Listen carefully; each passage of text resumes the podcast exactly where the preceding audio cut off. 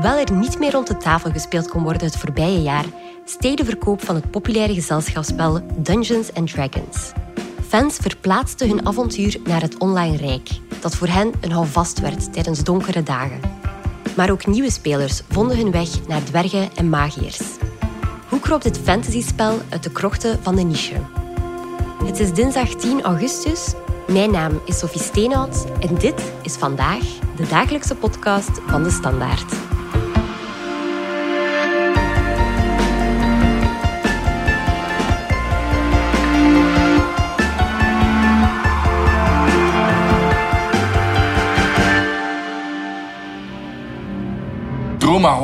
Geëscorteerd door twee wachters. Maar op weg naar de taverne sleuren ze jou in een steegje. Roll initiative. Natural one! 21. Oh, ik heb advantage. Wat?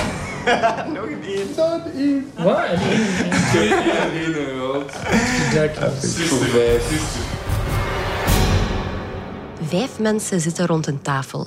Voor hen enkel pen en papier en wat dobbelstenen. Dungeons and Dragons is een role-playing game. Dit betekent dat elke speler het spel speelt vanuit een fictief, meestal zelfverzonnen personage. Een character.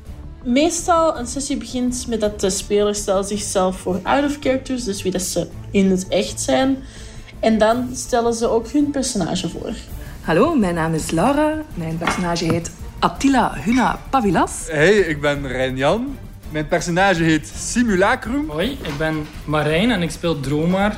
Wie dat zo wat de, de hoofdrolspelers zijn eigenlijk van het verhaal dat je gaat doen. Dit is Kaylee. Ik ben Kaylee, ik ben eh 27 jaar. Ik woon in Antwerpen en ik speel ondertussen bijna vier jaar D&D. D&D, kort voor Dungeons and Dragons, is dus een gezelschapsspel waarin veel mogelijk is en de spelers via hun characters epische avonturen kunnen beleven. De characters in D&D zijn altijd avonturiers. Die gaan op avontuur, die maken epische dingen mee. Die hebben iets van een, een achtergrond, iets in hun verleden dat hun ertoe gedreven heeft van een avonturier te worden. Hoi, ik ben Marijn en ik speel Dromar. En Dromar is gestart als smokkelaar op zee. Is dan met de rest samen ingevolgd in de hoop van van binnenuit het land zo te veranderen. En dan zijn er ook altijd de middelen dat dat karakter heeft. Dus is die eh, fysiek sterk? Heeft hij magie? Is die gewoon heel slim? Dromar is een durver. Hij gaat meestal, als er zo soms een impasse is of zo, erop uitgaan. eh, redelijk roekeloos. Een paar keer toch wel ferm op zijn doos gekregen. Maar gelukkig waren ze dan zijn vrienden om hem eh, bij te staan en te helpen. En dat kiest elke speler zelf, wat dat ze willen spelen, wat dat hun interessant lijkt. Ik ben een mastermind rogue. Wat dat ietske atypische rogue is, die eigenlijk meestal verwacht wordt om super stealthy en sneaky te zijn. Maar Dromar is ietske nieuwsgieriger en eh, heeft ietske meer inzicht in mensen. En dat heeft zoveel mogelijkheden dat je het zo nog niet kunt bedenken of je kunt het maken in D&D.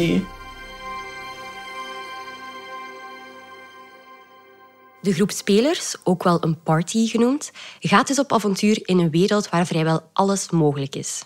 Maar naast de spelers zit er nog een persoon aan tafel. En die heeft de belangrijkste rol van allemaal. Die persoon is de Dungeon Master. De Dungeon Master die is de verhaalverteller. Dus de Dungeon Master is de wereld, is alle personen die ze tegenkomen, alle monsters die ze tegenkomen. Dus een groot deel van deze job is ervoor zorgen dat je mee in dat verhaal zit. Dat verhaal loopt door over verschillende sessies en kan vaak jaren doorgaan. Alle sessies samen worden een campaign genoemd. Dus de vorige keer in de schaduw van Zaharion. Dit is Emiel. Zaharion, dat aan de oostelijke kant begrensd wordt door een magische barrière, het doek genaamd. Emiel is Dungeon Master en voor zijn medespelers creëerde hij Zaharion. Achter het doek, de legende gaat dat dat daar het schaduwrijk is. Zijn wereld bevat mysteries, uitdagingen en bedreigingen waarin de groep spelers of de party zich kan vastbijten. En op een gegeven dag sterft de koning van Zaharion en op zijn begrafenis komen de demonen van het schaduwrijk Zaharion binnen. De Dungeon Master is dus de verhalenverteller. En de scheidsrechter. Degene die de regels het beste moet kennen en die moet kunnen toepassen op alles dat de speler zelf wil doen. De Dungeon Master grijpt in als de spelers bepaalde acties willen ondernemen. Het kan heel vaag zijn, het kan heel precies zijn. Ja, ik wil die persoon proberen overtuigen. Of ik wil ehm, nu op het dak klimmen. Of je loopt bijvoorbeeld op een regenboogbrug en je probeert van op die brug op de rug van een nabijvliegende bedoega te springen. Een magische worm die een wollen vacht heeft en die de naam Willy draagt. Ik blijf lopen en ik uh, fluit nog eens op mijn fluitje van uh, Willy kom hier, Willy kom hier. En ik uh, wijf zo totdat Willy hopelijk zo een, een free Willy doe eigenlijk. Zo van... En dan wacht ik tot ik zijn vacht voel over mij heen gaan en die pak ik vast. En daar komt de Dungeon Master dan mee in, want de speler zegt oké, ik wil dit doen. En dan zegt de Dungeon Master oké, dan ga ik vragen dat je deze specifieke rol gebruikt. Ja, gewoon maar je check. Want ik denk als scheidsrechter dat dat degene is dat er het dichtste bij aanleunt. De speler rolt dan een 20-zijdige dobbelsteen om te kijken of die actie wel tot een goed einde gebracht wordt. Als een personage bijvoorbeeld heel lenig is, krijgt hij een bonus bovenop de waarde van de gerolde dobbelsteen. 16, it's good enough. You timed it right. Zo worden zelfs de meest onmogelijke stunts haalbaar. You are on Beduga. Uh, which way do we go? Master, guide me.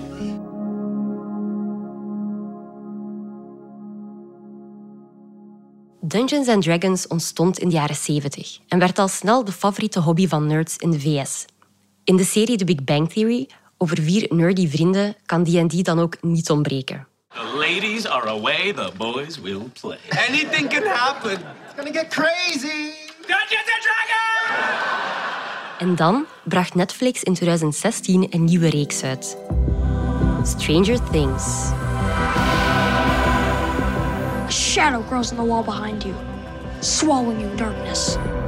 In de serie zijn de 12-jarige hoofdrolspelers niet alleen enorm fan van D&D, ook de monsters en verhaallijnen uit de reeks zelf zijn erop geïnspireerd. It is almost here. What is it? What if it's the Demogorgon? Oh, Jesus, we're so screwed if it's the Demogorgon. It's not the Demogorgon. The Demogorgon! We're deep shit. De serie werd een gigantisch succes. Hoeveel te wijten valt aan de populariteit van Stranger Things is niet duidelijk. Maar net nadat de reeks uitkwam, steeg de verkoop van D&D-materiaal met 40% En een jaar later opnieuw met 50% Stranger Things, dan die, ja, plotseling kent iedereen een Demogorgon. uh, iedereen wou dan weten wat dat, dat is. Deze man is Jeroen. Ik ben Jeroen Lammertijn. Ik ben ja, een van de zaakvoerders van Worlds and Comics in Gent. Vroeger zaten we in de Overpoortstraat. Uh, was het voornamelijk comics en games. En we zijn naar hier verhuisd om dan ook een bar bij te doen. En uh, plaats om te spelen, onder andere D&D. The World's End merkte de sterke groei in de populariteit van het spel. De verkoop van de boeken ging vrij goed en er zijn heel veel spelers bijgekomen. We merkten dat wel, ook bij ons. D&D is big business. Wizards of the Coast, het bedrijf achter het spel, brengt om de zoveel jaar een nieuwe editie uit van de basisboeken die nodig zijn om D&D te kunnen spelen.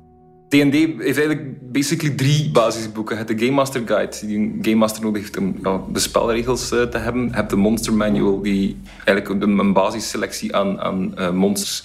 Dus eigenlijk opponenten voor de spelers. En voor de speler zelf heb je de Player Guide. Dat is eigenlijk Hans een uitleg die je nodig hebt om je karakter te maken. De rassen staan erin, de klassen staan erin, maar ook de wapens, kledij, armor, dat soort dingen. Dat zijn de drie basisboeken. En die boeken vliegen de deur uit. De drie basisboeken moeten constant bijbestaan, want als we het niet doen, dan, dan zijn ze uitverkocht hier en dan uh, blijft de vraag maar komen. Als je die populaire basisboeken met je groep hebt gekocht, kan je beginnen met spelen. Um, voor de rest heb je eigenlijk gewoon inderdaad ja, pen en papier en uh, dobbelstenen.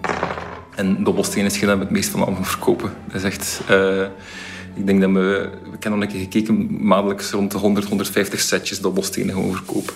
Ja. Dat is echt gigantisch veel. Het mensen willen die in, in alle kleuren. Uh, ik heb ook wel gemerkt dat mensen dan graag een keer van, uh, van kleur veranderen en uh, dan een keer ja, met, met seizoen of de goesting waarschijnlijk een ander kleurje willen. Of met ook characters, ook eh, heel tof. Mensen die dan een nieuw karakter maken en die zeggen, ja, met een fighter, ik heb groene dobbelstenen, dat past niet. Dus ik, ik moet er witte of blauwe dobbelstenen bij hebben, die dan past met mijn karakter. Of als ze in verschillende groepen spelen, dan mij een ander setje per karakter spelen. Dat gebeurt ook vaak. De groeiende populariteit van D&D heeft ook te maken met de slimme aanpassingen die het spel toegankelijker maken. In 2006 ben ik bij de Thunderbolts gekomen. Dat is een gameclub in Gent. Die zaten toen in de Outpost. Toen was het nog D&D 3.5. Ondertussen zit we al aan de vijfde editie. Je moest toch een, halve master in de wiskunde hebben om dat echt deftig te kunnen spelen, vond ik toen. Het was redelijk complex. Nu ligt de focus vooral op ja, fantasie en, en, en inbeelding. En ook heel makkelijk, je kunt heel makkelijk een karakter maken. Het speelt ook heel vlot. De focus, zoals ik ligt echt op het scenario spelen. Wizards of the Coast, de uitgever van D&D, wil de drempel lager leggen en moedigt daarom de fans zelfs aan om hun eigen versies en verhalen te maken. Dus als jij iets wilt maken met de D&D-regels, zij laten dat toe. Bijvoorbeeld, je kunt uh, Lord of the Rings, kunt de campaigns spelen. Dat is niet door Wizards zelf, maar dat is wel met de D&D-rules die ze, die ze werken. Dus eigenlijk kunt jij zelf helemaal je campaign maken. Je mag die publiceren ook, maar je mag de basisregels van D&D, ja, die mocht je niet printen. Dat is ook slim gezien van Wizards. Ja, als, als mensen die campaign willen spelen, dan hebben ze de basisboeken nodig. En dan ja, verkopen ze daar ook weer aan. Slim gezien. Maar dan maakte de coronapandemie het vanaf begin 2020 onmogelijk om samen te komen met je vrienden. En zonder tafel met vrienden, geen Dungeons and Dragons. Als wij een paar weken zonder D&D gingen, dan merkten we wel dat we, dat we het nodig hadden, dat we er echt goestingen hadden. Kaylee is Dungeon Master en samen met haar spelers besloot ze hun tweewekelijkse sessies online verder te zetten. Je hebt wel echt de middelen om online te spelen. Die zijn er altijd geweest. Dan gebruik je zoiets als Zoom um, of als Discord of als, als Google Hangouts. Iets waarbij dat je je stemmen kunt delen, je camera's kunt opzetten. En je hebt dan ook platformen zoals Roll20 en uh, Tabletop Simulator die je dan toelaten van eigenlijk de tafel te simuleren. En ook je dobbelstenen te rollen. En dat dan allemaal online. Maar ik denk dat massaal mensen daar hun toevlucht naar hebben gevonden.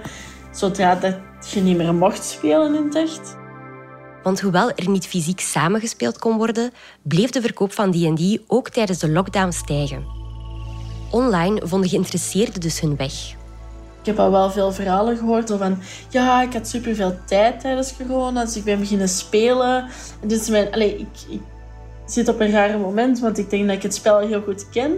Maar ik ben nerveus, want ik ga voor de eerste keer aan een tafel met mensen in het echt spelen. Um, dus ik denk echt wel veel tijd hebben. Sommige mensen die uh, niet konden gaan werken of die van thuis werkten en veel meer tijd over hadden, om dan de leegte te vullen, wel naar DNT toe zijn gegaan. Voor Kelly was D&D echt een lichtpunt tijdens de lange lockdowns. Dat zijn drie, vier uur waar dat je zo gelukkig van kunt worden, waar dat je zo een moeilijke week voor kunt doorkomen. Dat je weet van oké, op het einde van de week gaan wij tegen die een draak vechten. En gaan we zien of dat we het allemaal overleven. Dat is echt, dat doet heel veel en dat is heel veel. Dus ja, als je dat een paar weken niet hebt, dan heb je je, je saaie eigen bestaan. Maar dat je werkt en uitkijkt naar een vaccin en geen draken hebt. Ik heb ook echt al heel mooie momenten meegemaakt.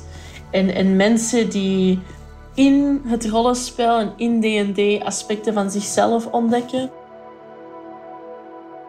Af en toe hebben spelers die dat dan een andere seksualiteit als zichzelf roleplayen, andere genderidentiteit, die zo gewoon eens iets willen proberen in een omgeving waar dat, dat veilig is en waar dat, ook niet te hard naar gekeken wordt. Want uiteindelijk speelt je een personage en iedereen speelt een personage. En dan krijg je die zelfbevestiging in character die doorbloedt naar out of character, waarbij dat ze dan beseffen van ah, misschien ben ik toch niet heteroseksueel. Misschien ben ik toch niet helemaal cisgender. En dan is dat een hele veilige manier geweest om dat te beginnen onderzoeken. Het spel spreekt dus meer mensen aan dan 12-jarige jongens of nerdy mannen. Het is zeker nog geen 50-50, dat absoluut niet. Maar ik merk wel dat er heel veel uh, ja, vrouwen en meisjes ook uh, komen uh, spelen in het algemeen en, en zeker roleplayen.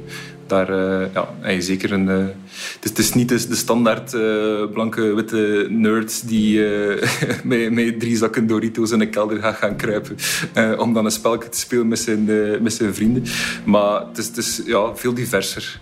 Dus ja, eh, hoe populairder dat wordt, hoe, hoe, meer mensen er geïnteresseerd in geraken. En dan is het, vind ik het maar normaal dat dat gewoon door, door iedereen... Uh, dan maakt het niet uit of dat je man of vrouw of, blank of, of, zwart zit. Dan, uh, ja, het is, het is vluchten in de fantasiewereld. En dan kun je even zijn wie dat je in het echt niet bent.